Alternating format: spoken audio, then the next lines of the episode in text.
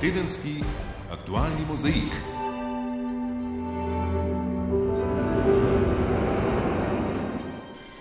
Spoštovane poslušalke, cenjeni poslušalci, so vas zjutraj zbudile ptice, vrane. Vam je megla zastrla pogled na prazne ulice.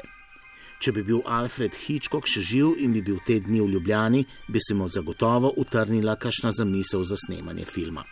Snov za scenarij bi zagotovo črpal iz življenja naših ljudi, zaprtih med zidovi, polnih strahu in jeze. Ne samo zato, ker ne bi mogli ven, ampak ker spremljajo srhljivo dogajanje povezano z epidemijo COVID-19. Število smrti je največje po drugi svetovni vojni, smrt je postala tehnični problem, saj je na pokop z žaro potrebno čakati tudi do mesec dni. Včeraj so potrdili 1290 novih okužb, 22 bolnikov s to boleznijo pa je umrlo. Epidemija traja že leto dni in vsakič, ko skozi gosto meglo posije žare kupanja, nas hitro spomnijo, da smo verjeli v lažno sonce. V Sloveniji smo do zdaj odkrili najmanj 19 vzorcev angliškega soja virusa, med drugim tudi na jesenicah, je potrdila tamkajšnja direktorica Anja Jovanovič Kunstal. Izbrali smo šest testov oziroma šest eh, predlogov, ki smo jih posredovali tudi na NLZOH in potem so izmed teh šestih pač eh, dva pacijenta potrdili, da sta dva izmed njih pozitivna eh, na novi sev.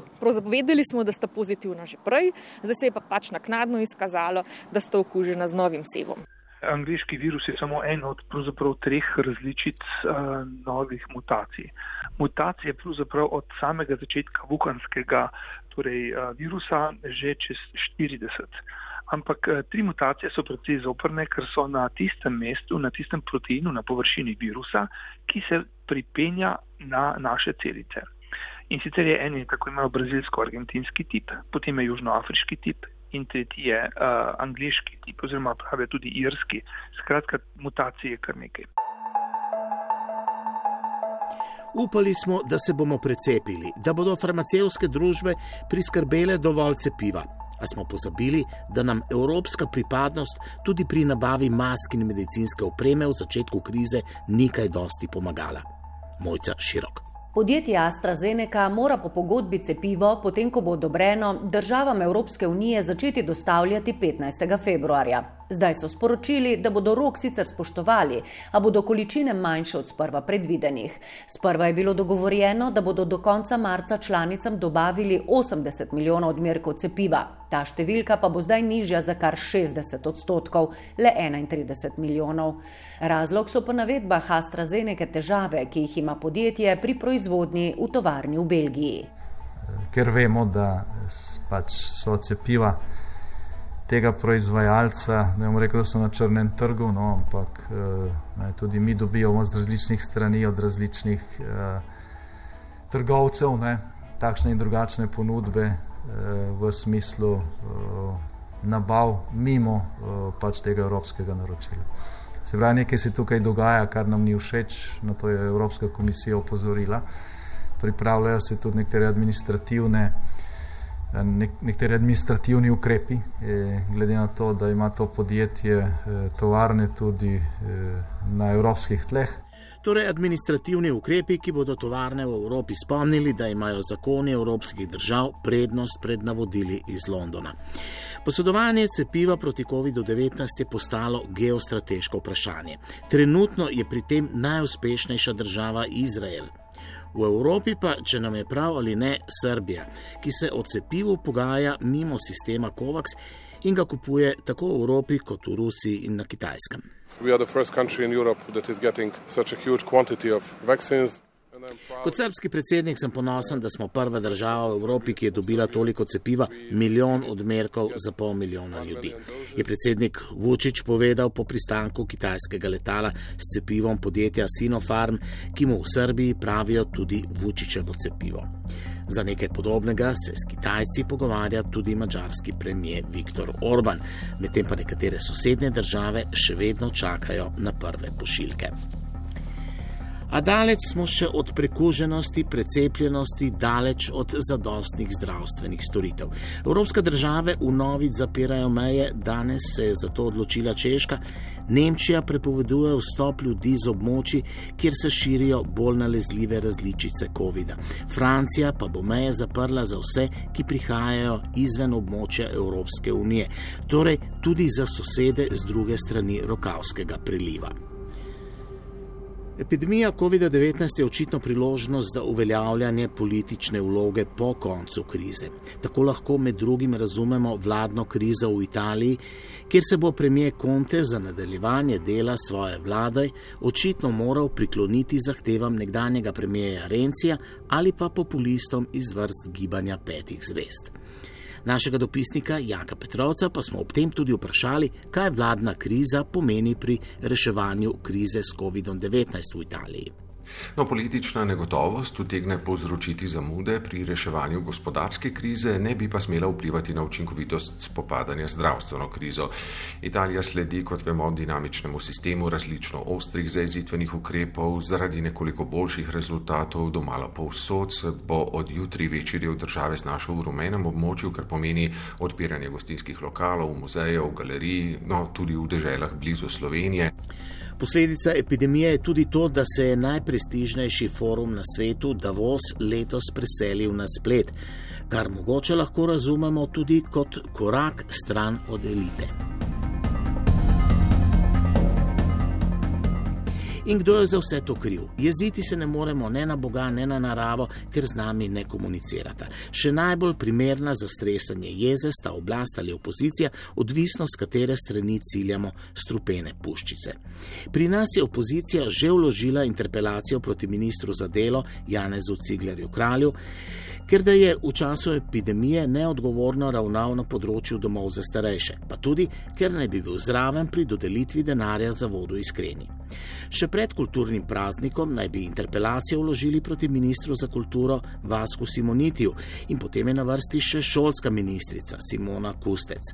Ker so otroci, razen najmlajših, še vedno doma za računalniki, ker igrajo FIFO, pa Minecraft ali God of the War. Njihovi starši in pedagogi pa se sprašujejo, kako naj temu prilagajajo svoj delovnik in kaj to pomeni za razvoj otrok.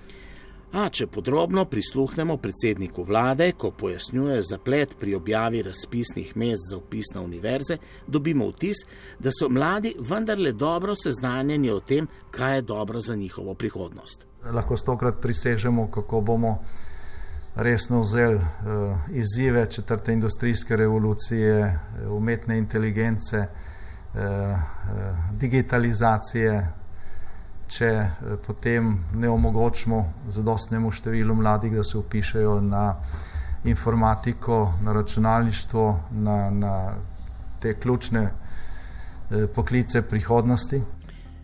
V sredo bo verjetno jasno, kako se bodo do interpelacij, pa do konstruktivne nezaupnice in predvsem do novega zdravstvenega ministra opredelili poslanci Desusa.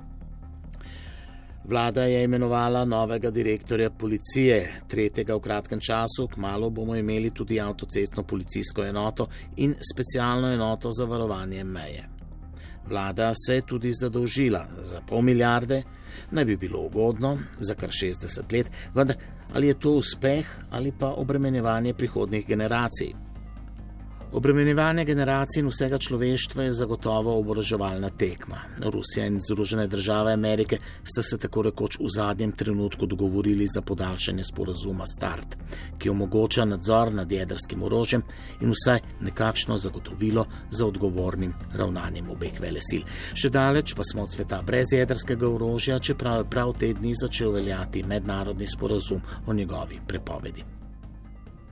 Pred nadaljevanjem odaje povemo še, da je umrl poslanec in nekdani župan Bohinja Franz Kramer. Tedenski aktualni mozaik. Za nami je torej razborljiv teden. V devetih tako imenovanih rdečih regijah se je začel pouk za prvo triado učencev, že po jutrišnjem pa bodo v Zasavju in obalno-kraški regiji znova poučevali nadaljavo, saj sta regiji obarvani črno. Sicer pa je vlada, kot v svojem prispevku pravi Jurečepin, s svojimi odločitvami povzročila razburjanje na vseh ravneh od vrtcev do fakultet. Minuli ponedeljek so v devetih rdečih regijah pred unovičnim začetkom pouka v šolah in odprtjem vrtcev organizirali množično testiranje zaposlenih v vzgoji in izobraževanju. Koordinacija in izvedba več kot 20 tisoč hitrih testov v enem dnevu je bil velik organizacijski zalogaj, a so se zdravstveni domovi nam dobro pripravili, šolniki pa izkazali izjemno visoko stopnjo družbene odgovornosti. A sredi dneva so javnost razburile besede premijeja Janeza Janša v državnem zboru vemo še, ali se bo eh, pouk jutri res lahko fizično začel, glede na novo odkrite seve angliškega virusa pri nas. Janše na to pozno popovdne prek Twitterja sporočil, da se vrata šol in vrtcev po državi, z izjemo posavske, jugovzhodne in goriške regije, vendarle odpirajo. Mnenje NIJZ-ja in pristojnega ministrstva je ostalo nespremenjeno, torej naj se obstoječi načrti odpiranja šol nadaljujejo. V torek je svoja vrata tako odprlo 366 šol in 327 vrtcev, na delo se je skupno vrnilo več kot 25.600 zaposlenih. V šolske klopi je sedlo več kot 53 tisoč učencev prve triade, povratka pa so se veselili tako starši kot tudi otroci. Predvsem zaradi družbe, ki bo v razredu in pa podajanja snovi, ki bo v razredu drugačna, kot je bila lahko preko Zuma in kot smo bili starši sposobni zagotoviti otrokom. Vem, da se bomo zdaj, ko smo spet prišli v šolo, lepo imeli. Upam, da bomo šli kaj ven na zrak in da bomo ful razračevali, da ne bo bilo korone v učilnici. Ministrica za izobraževanje Simona Kustec je ob tem izrazila upanje, da je to prvi znak vračanja v normalnost in da se moramo vsi skupaj potruditi, da se lahko v šole vrnejo tudi učenci, ki pouk še vedno izvajajo nadaljavo. A zgolj dva dneva pozneje, v četrtek, so se stvari še enkrat več spremenile. Trem črnim regijam sta se pridružili še obalno Kraška in Zasavska. Po vladnem semaforju to pomeni vračanje na izobraževanje nadaljavo s prihodnjim tednom. Odprto je bilo vprašanje, ali eh, lahko dovolimo neko tolerančno stopnjo v tistih primerjih, kjer gre samo za eno zelo minimalno odstopanje vendar pa je na koncu eh, prevladala odločitev, da smo zelo, zelo pozorno in pa dodelano pripravili sam vladni načrt sproščanja ukrepov z eh, tem semaforjem, že večkrat eh, omenjenim, in da je naša zaveza, da se tega držimo. Ob tem je ministrica napovedala tudi izjemo in sicer za otroke, katerih starša delata v sektorjih kritične infrastrukture, v vzgoji in izobraževanju, v slovenski vojski ali policiji. Zanje Lani se na podlagi potrdila delodajalca zagotovi nujno varstvo in pouk nadaljavo v prostorih šole. Šole in starši učencev prvega triletja v obalno-kraški in zasavski regiji so odločitev vlade o novičnem zaprtju šol le štiri dni po vrnitvi v šolske klopi sprejeli z razočaranjem in nezadovoljstvom. Ravnateljica osnovne šole narodnega heroja Rajka Hrastnik Polona Dolanc. Zasavje je mala regija, kjer se vsak izbruh pozna, premeša številke in hitro pademo zopet v črno regijo. Po mojem mnenju bi bilo smiselno ugotoviti, kje so ti izbruhi in ali ti res vplivajo na varno delovanje šol. Nezadovoljni pa so bili tudi ravnatelji in starši otrok v rdečih regijah, saj bi morali v ponedeljek zaradi množičnega testiranja učiteljev in vzgojiteljev vsi otroci ostati doma. Društvo ravnateljev je izvedlo anketo in izkazalo se je, da je več kot 80 odstotkov šol sposobnih na isti dan paralelno izvesti tako pouk kot tudi testiranje zaposlenih. Na tej podlagi je bil vladni odlog spremenjen tako, da bo v ponedeljek mogoč tudi pouk prve triade o posporednem testiranju, je včeraj sporočil premije. Posod to verjetno ne bo mogoče uh, in tam bo pač ta dan potrebno izvajati uh, pouk nadaljavo. Poleg vsega dogajanja v osnovnih šolah prah dodatno dviguje tudi okrožnica ministerstva glede plačila vrtcev za starše otrok v rdečih regijah. Sprva je kazalo, da bodo starši, ki bodo imeli otroke še naprej doma, plačila oproščeni. Z ministerstva pa zdaj sporočajo, da za to ni pravne podlage, čeprav vrtci opozarjajo, da bi z oprostitvijo plačila pomagali tako staršem kot tudi vrtcem. Razburjeni pa so tudi rektori univerz, saj vlada še ni dala soglasja k objavi razpisa za upis v novem študijskem letu, čeprav je soglasje pogoj za objavo razpisa. Rektorica Univerze na primorskem Klaudija Kutner in Igor Papič, rektor Ljubljanske univerze. Mi informativnih dni ne moremo izvesti, ker ne vemo, ali bojo naši razpisi, tako kot so bili posredovani na ministrstvo, upoštevani ali ne. In dejansko ne razumemo, zakaj počnemo to mladim. Nismo mi problem. Problem so dijaki. In prosim, bodimo razumni. Razpis naj se zato čim prej potrdi, je enotno sporočilo rektorjev. Premijer Janša odgovarja, da bo vlada razpis obravnavala prihodnji teden, saj da ga je pristojno ministrstvo pripravilo prepozno in ob tem dodaja, da gre za temeljni strateški dokument in ne zbirko želja vodstev fakultet. Splošna epidemiološka slika v državi je še vedno precej resna, so pa v zadnjih dneh opazna posamezna izboljšanja. Angliška različica virusa, kot kaže, še ne vpliva na število okužb pri nas. Ovira za njegovo širjenje bi lahko bila velika prekuženost. Koronavirus naj bi pri nas prebolelo že 600 tisoč ljudi, torej več kot četrtina prebivalstva. Snežana Ilijaš. Ali bo angliška različica virusa tudi pri nas poslabšala epidemiološke razmere, je za zdaj težko napovedovati. Trenutno ga je še razmeroma malo, res pa je, da je precej bolj nalezljiv. Bi bilo zaradi tega potrebno zaustriti ukrepe? Mateja Logar z infekcijske klinike pravi, da ne. Trenutno je način prenosa popolnoma enak. Se pravi, tukaj gre ravno tako za kapljičen prenos, tako da vsi ukrepi, ki so trenutno v veljavi, da vzdržujemo razdaljo, da uporabljamo ustrezne maske, da si umivamo, razkužujemo roke, da zračimo prostore, so učinkoviti a, tudi proti angliškemu sevu. Tako da tukaj neki dodatni ukrepi niso potrebni, potrebno je pa res, da vsak a, naredi maksimalno, kar a, lahko naredi in seveda vse te ukrepe čim bolj upošteva. Da še zdaleč ni čas za opuščanje ukrepov, ki utegnejo trajati še več tednov, je včeraj napovedal tudi premijer Janez Janša. Po njegovem ni realno pričakovati, da bo precepljenost v prvem trimesečju bistveno vplivala na zaustavljanje epidemije. V Slovenijo je bilo doslej dobavljenih nekaj več kot 76 tisoč odmerkov cepiva, večina je že uporabljenih. A za dosego učinka na potek epidemije je v pozorilih inštituta Jožef Štefan potrebno cepiti najmanj 10 odstotkov populacije, torej vsaj 200 tisoč ljudi. Večjo količino cepiva naj bi dobili že prihodnji mesec. Od cepiv, ki so že odobrena, pravi gre predvsem za BioNTech, Pfizer in Moderna, pričakujemo oziroma imamo mm, dokončne napovedi za preko 110 tisoč odmerkov do konca februarja. Še posebej BioNTech, Pfizer bo v februarju praktično iz tedna v teden povečeval število dobavljenih odmerkov. Odprta je pa, v, kar se tiče dobav v februarju, količina, ki je napovedana strani AstraZeneca.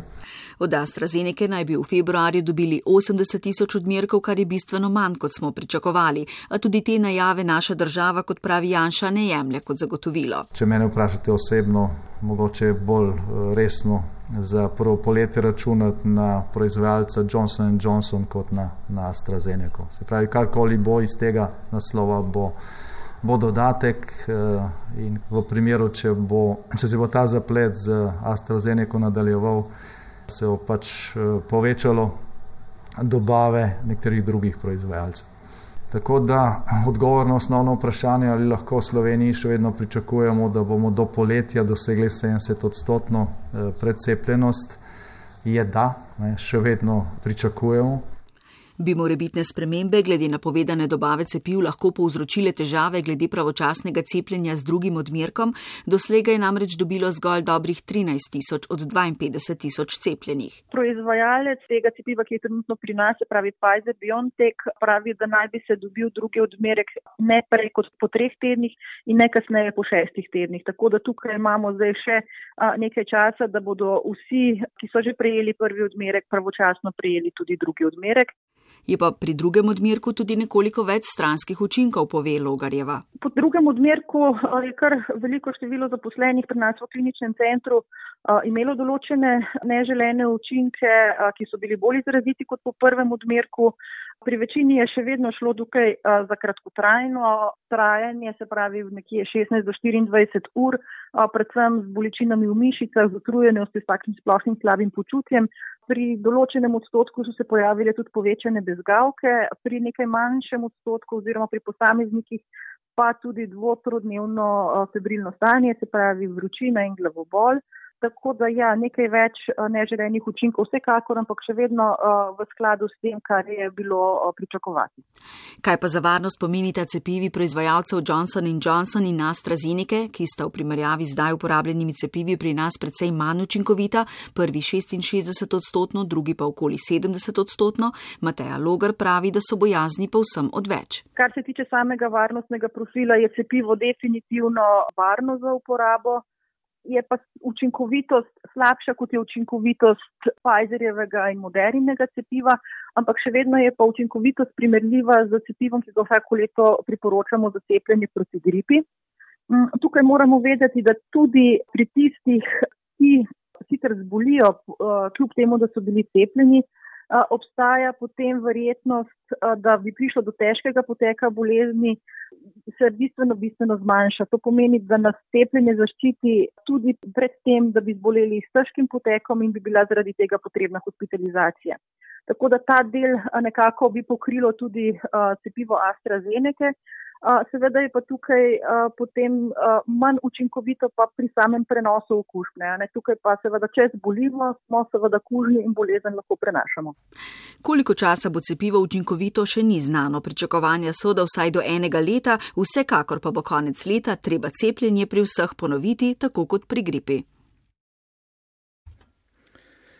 Evropska agencija za zdravila je izdala pogojno dovoljenje za uporabo cepiva podjetja AstraZeneca, zeleno luč mu je prižgala tudi Evropska komisija. Po sporu zaradi zamud pri dobavi je komisija uvedla nadzor nad izvozom cepiva iz Evropske unije. Sprva je v mehanizem vključila tudi Severno Irsko, a je potem, ko je ukrep v Združenem kraljestvu in na Irskem sprožil pravi politični vihar, naredila korak nazaj. Nadzor za Severno Irsko tako ne bo veljal. Podrobno podrobneje Mojca Širok. Nadzor nad izvozom je posledica napovedi britansko-švedskega podjetja AstraZeneca, da bo v prvem četrtletju letos dobavilo za več kot polovico manj cepiva, kot je bilo dogovorjeno, in suma, da je podjetje cepivo sprva namenjeno Uniji za višjo ceno obljubilo Združenemu kraljestvu.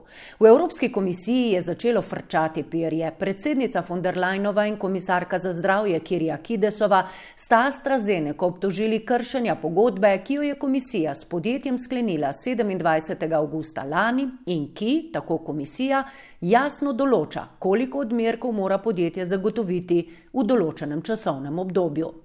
AstraZeneca se brani, da se je družba zavezala le k načelu po najboljših močeh, kar pa je za komisijo nesprejemljivo. Bistvo pogodbe, tako komisija, je namreč v tem, da vnaprej financira razvoj in proizvodnjo cepiva prav zato, da si vnaprej zagotovi določeno število odmerkov, čeprav pri tem tvega, da cepivo morda ne bi bilo odobreno. AstraZeneca je komisija vnaprej zagotovila 336 milijonov evrov, del te vsote je že bil izplačan. Evropska komisija prav tako ni zadovoljna s pojasnilom podjetja, da imajo težave s proizvodno linijo v tovarni v Belgiji. V pogodbi so namreč navedene štiri tovarne, iz katerih bi cepivo dobavili v Uniji. Dve sta v Evropski uniji, dve pa v Združenem kraljestvu. In logika Bruslja je, da je Unija po pogodbi upravičena tudi do cepiva iz britanskih tovarn. Razočaranje nad AstraZeneca je v Bruslju toliko večje tudi zato, ker so si od njihovega cepiva največ obetali. Je najcenejše, manj zahtevno za shranjevanje, prav za AstraZeneca pa je komisija podpisala tudi svojo prvo pogodbo in to za skupno kar 400 milijonov odmerkov cepiva.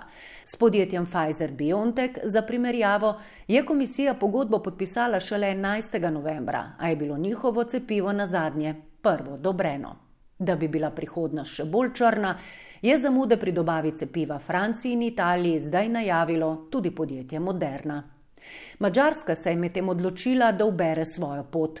Zaradi dolgotrajnih postopkov skupne evropske nabave, so pojasnili v Budimpešti, so včeraj odobrili kitajsko cepivo podjetja Sinopharm, prejšnji teden pa že rusko cepivo Sputnik 5.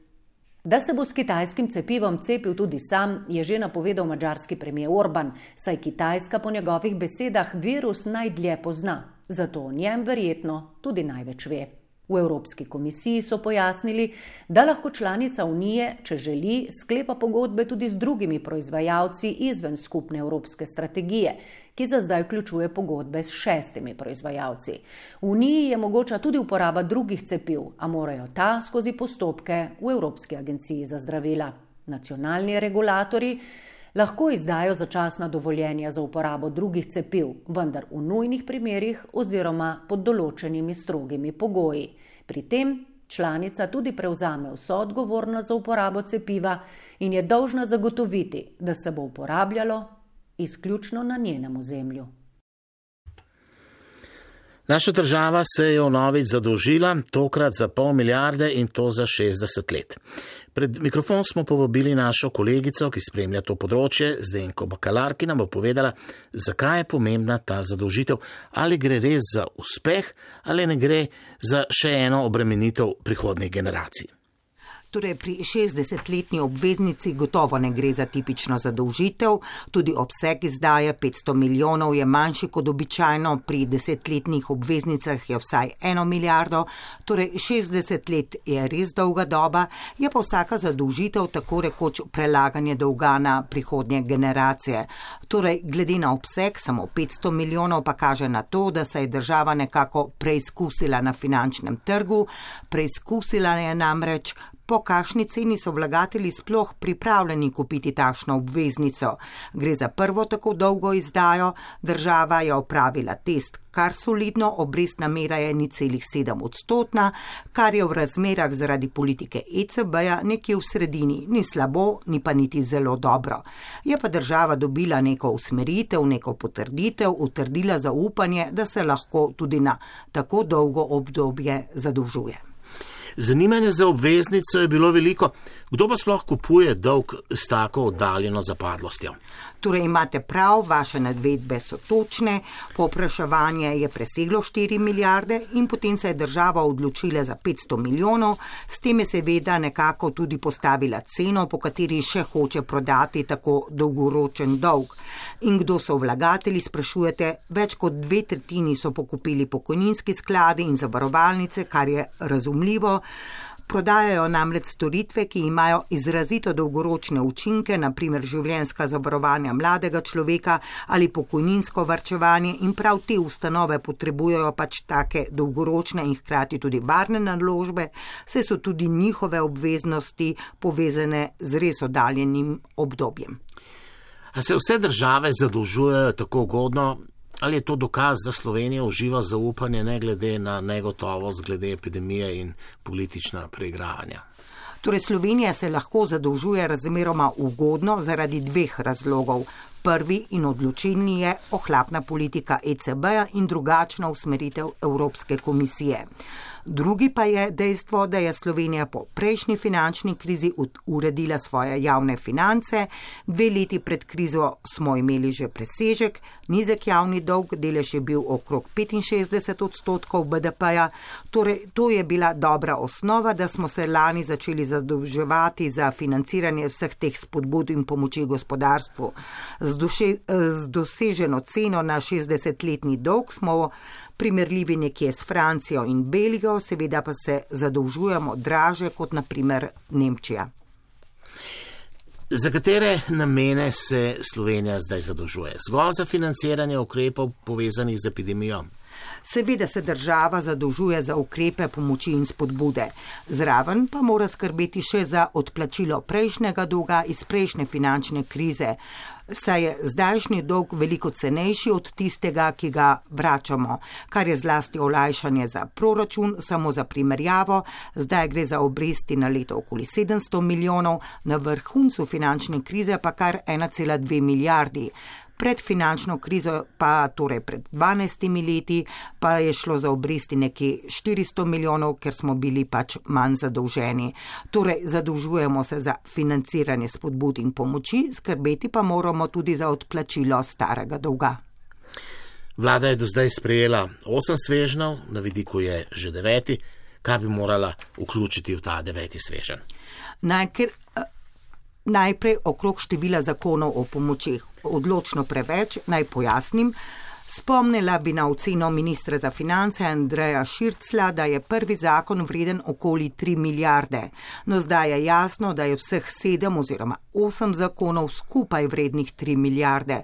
Samo razdeljeni so v osmih zakonih. Dovolj bi bili štirje, eden za ohranitev delovnih mest, drugi za likvidnost, tretji za podpore prebivalcem in četrti za zdravstvene zadeve.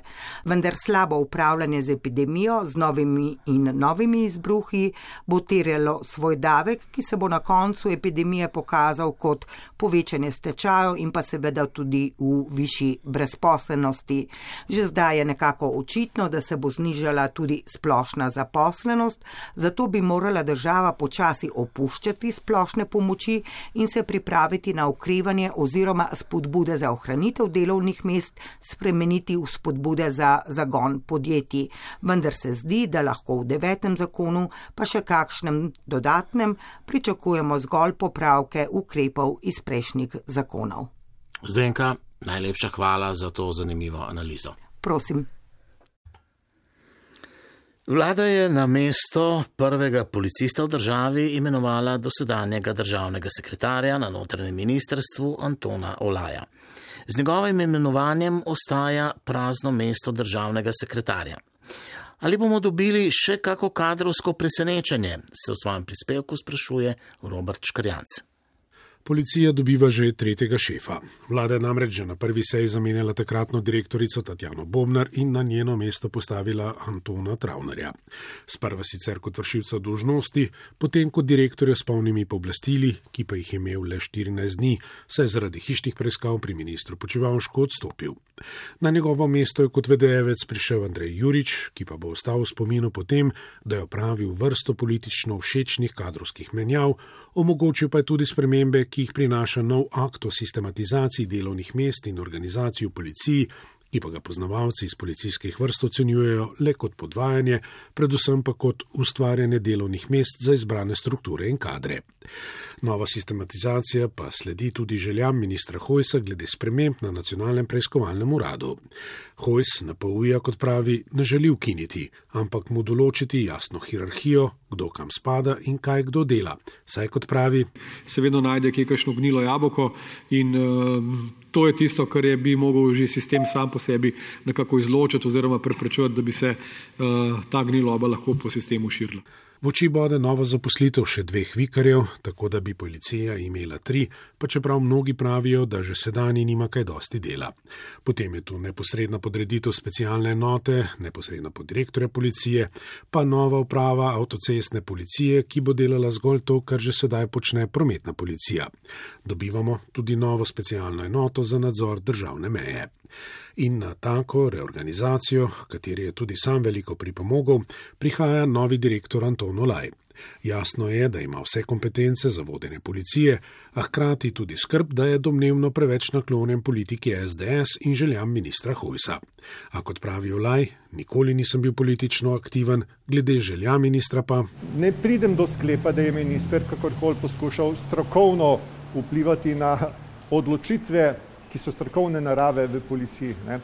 In če je policija dobila novega direktorja s polnimi pooblastili, pa kaj takega še nekaj časa ne bo možno na NPU. Više delovno sodišče je namreč zavrnilo govor policije ter potrdilo začasno odredbo, s katero je prvostopensko sodišče ustavilo postopek izbire direktorja. S tem pa je sodno zadržanje izbire novega direktorja NPU postalo pravnomočno. Notranji minister Aleš Hojs sicer upa, da se bo eh, tudi zadnja zadeva, torej primer Muženič, eh, vrhovno sodišče je. Eh, nekako dopustilo revizijo, ki smo jo vložili na njegov primer, tako da upam, da bo vrhovno sodišče prej slej odločilo tudi o tem, eh, kakšne so kadrovske rešitve, ki smo jih zagovarjali. No, do takrat pa bo lahko tako imenovani slovenski FBI vodil le vršile z dožnosti brez polnih pooblastil. Z imenovanjem direktorja policije postaja prosto mesto državnega sekretarja na notranjem ministrstvu, zato se nam obeta še eno kadrovsko presenečenje.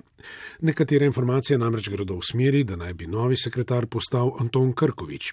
Ministr Hojs nam je sicer dejal, da prvič sliši za kaj tankega, Krkovič pa nam je skrivnostno odgovoril, da je vse, celo nemogoče, v Sloveniji mogoče. Tedenski aktualni mozaik.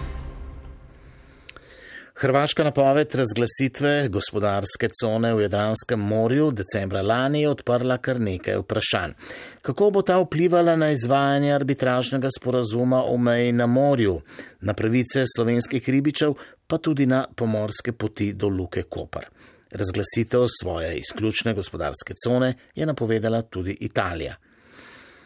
Sloveniji, sosednji državi pa sta v pogovore o zaščiti severnega Jadrana vključile tudi Slovenijo. Več Blašer Menc. Srečanju zunanih ministrov vseh treh držav decembra lani v Trstu, na katerem so skušali razjasniti odprta vprašanja glede izključnih ekonomskih con in se dogovarjali o tesnejšem sodelovanju pri zaščiti Jadranskega morja, je včeraj sledilo prvo srečanje na visoki uradniški ravni. Predstavnik zunanjega ministrstva Aleksandr Geržina ga ocenjuje takole. To prvo srečanje je pravzaprav bilo namenjeno izmenjavi informacij o tem, kaj se naj bi zgodilo z razglasitvijo izključne ekonomske cone, kaj smo pravzaprav že vedeli. Bolj kot to pa je bilo srečanje pravzaprav namenjeno področjem sodelovanja v prihodne med vsemi tremi državami. Izkazalo se je, da v Severnem Jadranu obstaja cel kup nekih pobud, pogodb, ki so že malo utonile v pozabo in zato je to pravzaprav posebej dobrodošlo kar se dogaja, ker smo s tem eh, posledično obudili tako pobude, ki zadevajo onesnaževanje Jadrana, ribolov in tako naprej. Zelo koristna izmenjava informacij v zelo pozitivnem vzdušju. Vlada poudarja, da hrvaška ekonomska cona ne bo vplivala na izvajanje arbitražne razsodbe v meji na morju. Nekateri strokovnjaki pa opozarjajo, da bi se morala Hrvaška najprej dogovoriti z našo državo o načinu uresničitve arbitražne odločbe in šele na to širiti svoje suverene pravice na morju.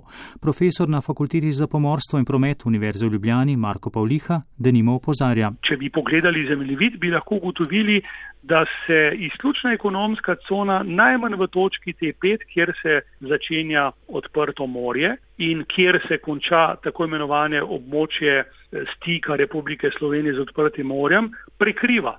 Ali gre za kakšen kvadratni meter ali kilometr, tega ne vemo ampak gre za povezavo, tako da se tu ne morem strinjati, da izključna ekonomska cona Hrvaške ni povezana s problematiko uresničitve arbitražne odločbe. Te cone ne bodo posegale v ostaljene morske poti, tudi v in iz Luke Koper.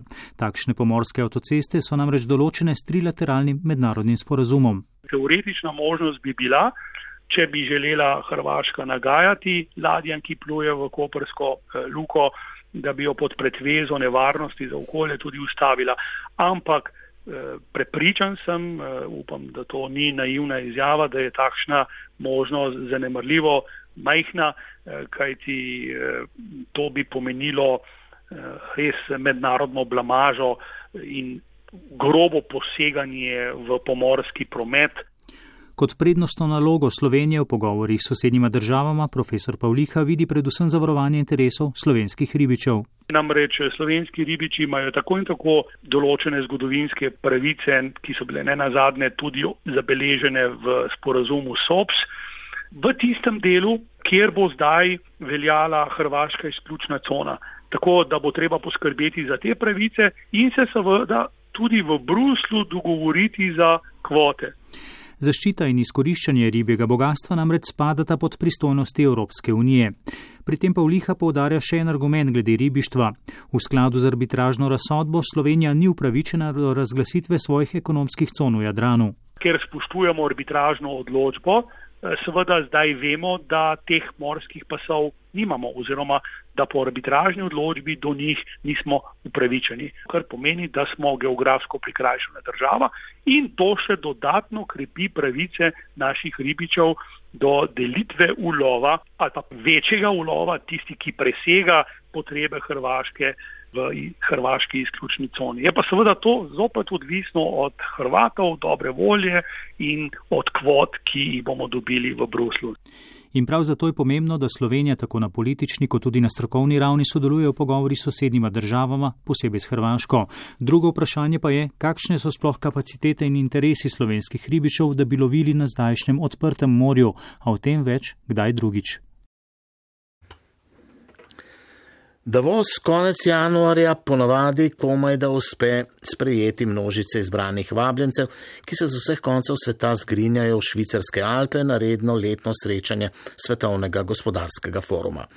Lani so tik pred globalnim zaprtjem javnega življenja še uspeli izpeljati forum v Davosu, letos pa se je ta prestižni debatni klub preselil na svetovni splet. Organizatori so se tokrat lotili teme, kako zdajšnjo krizo razumeti kot priložnost. Več o tem Luka Robida. Prazne ceste, prazni potniški vlaki do švicarskega kantona Graubünden, sem trtja kakšen smučar, ob tem pa osemeli heliport, prek katerega se sicer zadnji januarski teden v Davos spušča del globalne politično-gospodarsko-intelektualne reprezentance. Hoteliri z žalostjo ugotavljajo, kakšen privilegij so imeli doslej, da so lahko bili del tako velikega dogodka, kot je redno letno srečanje Svetovnega gospodarskega foruma.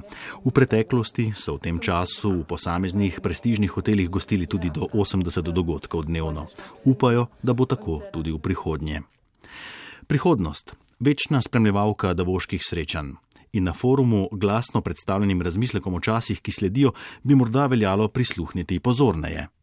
Čeprav je tole redko izpostavljeno v ocenah poslovnih tvegam, pa je naša študija o pandemiji izmerila, kako ogromna je lahko gospodarska izguba, ki bi jo povzročil izbruh bolezni, izbruh, ki bi segel mnogo dlje od svojega izvora. Preveč akademsko, da bi ga bilo mogoče jemati preroško, je slišati ta navedek iz poročila Harvardskega inštituta za globalno zdravje. Poročila, predstavljenega na forumu leto dni pred izbruhom pandemije novega koronavirusa. The pandemic made us more sober, I think. Pandemija nas je streznila, ponovno smo premislili, kaj je tisto, kar v življenju res šteje, pravi izvršna direktorica Mednarodnega denarnega sklada Kristalina Georgijeva. V prvi fazi fiskalnih spodbud niso posebne pozornosti namenjali ozelenitvi gospodarstva in čisto prav je tako, je ocenjevala, saj je bilo v spredju vprašanje, kako preprečiti kolaps gospodarstv. Zdaj pa se mnogo bolj ukvarjajo s tem, kako upoštevati tudi podnebna tveganja, razmišljajo o priložnostih, ki jih prinaša prehod na zeleno gospodarstvo. Nekaj optimizma Georgijeva črpa iz podatkov ta teden objavljenega poročila Mednarodnega denarnega sklada, v katerem so izboljšali gospodarsko napoved za letos. Globalno gospodarstvo naj bi doseglo 5,5 odstotno rast, kar je nič celih 3 odstotne točke več od oktobrske ocene. Medtem pa se lanskoletni obseg krčenja BDP-ja znižuje 4,4 odstotka na 3,5 odstotka. S kratko analizo je postregla tudi njena predhodnica, redna gostja Davosa, Kristin Lagarde, zdaj prva dama Evropske centralne banke. Many of our advanced economies, particularly in, the, in Europe, have leapfrogged by about seven years in terms of digitalization. Svet se digitalizira in razvita gospodarstva, še posebej evropska, so v sedemletni prednosti pred precejšnjim delom sveta. Kot pozitiven vidik izpostavi tudi, da bo v prihodnje, časovno gledano, približno 20 odstotkov dela, ki je bilo doslej upravljeno v pisarnah, opravljenega od doma. Nove tehnologije v veliki meri pomagajo podjetjem, ki jih je prizadela pandemija, močno pa se povišuje tudi vlaganje tveganega kapitala v prizadete sektorje. In še, podnebno problematiko je treba po njenem reševati prednostno. Manj spodbuden podatek je, da je pandemija poskrbela za ukinitev več kot 250 milijonov delovnih mest in da se že zelo mudi z ukrepanjem oziroma prilagajanjem posledicam digitalizacije ter robotizacije dela. Slišali smo, da bodo stroji čez pet let opravili časovno enako dela kot ljudje, posledica tega bo tudi izguba dodatnih 85 milijonov delovnih mest. A dobra plat te medalje je, da bo ustvarjenih več zaposlitev. In tako voditelji stojijo pred nalogo ohranjanja ohranjanja zaposljivosti, ustvarjanja novih delovnih mest, ki jih prinašajo četrta industrijska revolucija, tehnologija, pa tudi zeleno gospodarstvo in morajo vsem tem zagotoviti gospodarsko rast, poskrbeti za ustrezno izobrazbo ter pravičnost. Sprega politične moči, znanja in kapitala je tu z enim skupnim ciljem, podarja izvršna direktorica Oxfama, Mednarodne konfederacije dobrodelnih organizacij. So da se zoprstavijo neenakosti in leto 2021 mora biti leto, v katerem se bodo vlade končno prebudile in se začele ukvarjati z vprašanjem neenakosti. Na to so že pred krizo opozarjali številni protesti, a ne moremo reči, da sprememb ni. Mednarodni denarni sklad, Združeni narodi prepoznavajo problem in ustanovitelj Svetovnega gospodarskega foruma Klaus Schwab si prizadeva za korak proč od neoliberalizma, je dejala Gabriela Bašer iz Oxfama.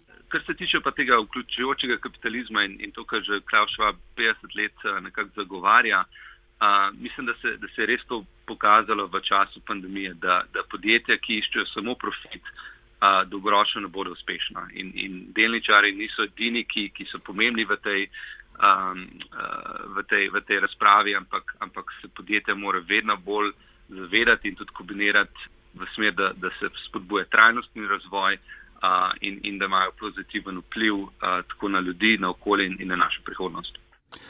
Takole pa je slišati ocena Andreja Kirna, ki pri Svetovnem gospodarskem forumu skrbi za humanitarno agendo, v okviru katere združujejo učinke humanitarne pomoči in razvojnih aktivnosti. Na svetu je devet držav, ki posedujejo jedrsko orožje, točneje 13.400 jedrskih konic. Od tega jih kar 90 odstotkov posedujeta Združene države Amerike in Rusija. V času hladne vojne je bilo jedrskega orožja celo petkrat več kot danes. A sta se Moskva in Washington od začetka 70-ih let začeli pogajati o končanju nesmiselne tekme v oboroževanju in dosegli kar nekaj sporazumov, na podlagi katerih so zmanjšali svoje jedrske zmogljivosti. A ne smemo pozabiti tehnološkega napredka, kar pomeni, da so danes jedrske konice natančnejše in bolj uničujoče, čeprav jih je manj kot takrat. Zaradi naraščanja moči Rusije in Kitajske so se v Združenih državah Amerike po letu 2000 odločili vnovič pretehtati svoj odnos do jedrske oborožitve. Temu pa so sledili izstopi iz sporazumov, kot so sporazum o protiraketnem sistemu, sporazum o prepovedi raket srednjega dosega ali sporazum o prostem nebu. Kazalo je, da Washington tudi ne bo podaljšal sporazuma o zmanjšanju strateške oborožitve oziroma New Start, ki sta ga leta 2010 podpisala predsednika Obama in Putin in ki mu veljavnosti steče 5. februarja tega leta pa vendar sta vele sili pred dobrim tednom zmogli pogum, se dogovorili za podaljšanje sporazuma in s tem preprečili novo oboroževalno tekmo. Za nekaj podrobnosti o tem smo poklicali strokovnjaka za jedrsko varnost Miroslava Gregoriča, ki je vodil slovensko upravo za jedrsko varnost, bil pa je tudi mednarodni inšpektor v Iraku. Gospod Gregorič, kaj prinaša sporazum o zmanjšanju jedrske oborožitve oziroma novi start? Ta sporazum je omejil število medkontinentalnih raketnih izstrelkov z največjimi atomskimi bombami na 700. Tu se vključuje tudi tiste izstrelki, ki so na podmornicah, oziroma na 800, če se vključi tudi tiste, ki niso že montirane na izstrelkih in breku čakajo, da, da se sprožijo. ZDA in Rusija sta se nekako na hitro dogovorili za petletno podaljšanje, potem ko je kazalo že, da so ZDA od uh, sporazuma odstopile in da se svet znašel pred novo oboroževalno tekmo. Ruska diplomacija je 26. Uh, januarja dosegla sporazum o podaljšanju za pet let. In potem je bilo pa spet naslednje dejanje, se mi zdi, je bilo super hitro. In sicer, da je kar ameriška ambasada v Moskvi 26. januarja napisala eno diplomatsko noto, s katero predlaga, to je na eni strani, s katero predlaga, da se ta pogodba start iz leta 2010 podaljša za pet let. In ta isti dan, je spet bi jaz rekel supersonično, je Putin dal v Dumo zakon, ki ima dva člena. Prvi člen pravi, da se, se sprejme ta sporazum dosežen med eh, ZDA in Ameriko 26. januarja in drugi, ki se nanaša na to pogodbo iz 8. aprila 2010, pomeni start in da zakon začne veljati potem, ko se objavi. In kot jaz vem, je Duma ta zakon, kaj je 27. 28. že v enem dnevu potrdila. Kako pa je s tistim orožjem, ki so ga razvili po letu 2010 in ga sporazum takrat še ni predvidel? Po podatkih iz Rusije je Rusija potrdila, da v to spadajo tudi najnovejši avantgard izstrelki, ne, ki so hipersonični, ki grejo, ne vem, 5-10 krat hitreje od zvoka. Ne. Tako da vse je vključeno, ampak seveda eh, je pa teh 700, imajo lahko drugačno kvaliteto kot tistih 700 leta 2010. Toliko za zdaj o sporazumu Starče. Eno temo imamo in sicer o sporazumu o prepovedi jedrskega orožja, ki ga je podpisalo 51 držav in je pred kratkim to postal tudi veljavni mednarodni dokument. Podpisala ga ni nobena jedrska država, tudi ostale članice NATO ga niso podpisale, vključno Slovenijo, pa vendar med podpisnicami je naprimer Vatikan, pa Avstrija, Nova Zelandija in podporo je med drugim izrazil tudi nekdanje obrambni sekretar v Clintonovi administraciji William Perry zelo plemenit eh, dokument, je nastal od spodaj na vzgor, pomen iz, eh, iz ljudstva in so ga, eh, so ga propagirale države, ki seveda nimajo ne denarja, ne želje, da bi delale prevlado za jedrskim orožjem. Je to potem samo izražena želja držav podpisnic ali ima sporazum o prepovedi jedrskega orožja kakšno konkretno obvezo do držav podpisnic? območje brez jedrskega orožja. V tisti državi ne more biti ne lastnega orožja, ne sposobenega parkiranja, kot ga recimo v Evropi ima Nemčija, Nizozemska, Belgija, Italija. Dobro, najlepša hvala za pogovor, gospod Gregorič. Tedenski aktualni mozaik. Spoštovane poslušalke, cenjeni poslušalci, toliko smo vam pripravili v današnjem tedenskem aktualnem mozaiku. Preden pa se poslovimo, naj še povem, da bo prihodni teden v Zasavsko obaljno, v Zasavski in obaljno-kraški regiji pouk spet potekal nadaljavo. V sredo naj bi bilo tudi jasno, ali poslanci Desusa podpirajo vlado ali pa svojega predsednika. In naj vas še opozorim, da bo od ponedeljka naprej vožnja po naših avtocestah dovoljena le z novimi vinjetami. Vabim vas, da nam prisluhnete tudi v ponedeljek, ko bomo v studiu ob 17. govorili o izključni ekonomski coni v Jadranu. Zahvaljujem se kolegom Juretu Čepinu, Snežani Iljaš, Mojci Širok, Zdenki Bakalar. Robertu Škarjancu, Blažu Ormencu in Luki Robidi, pa seveda tudi vam, spoštovane poslušalke, cenjeni poslušalci. Od vas se poslavljamo, tehnika Broš Cirej, urednica Erika Štular, moje ime je Marjan Vešligaj.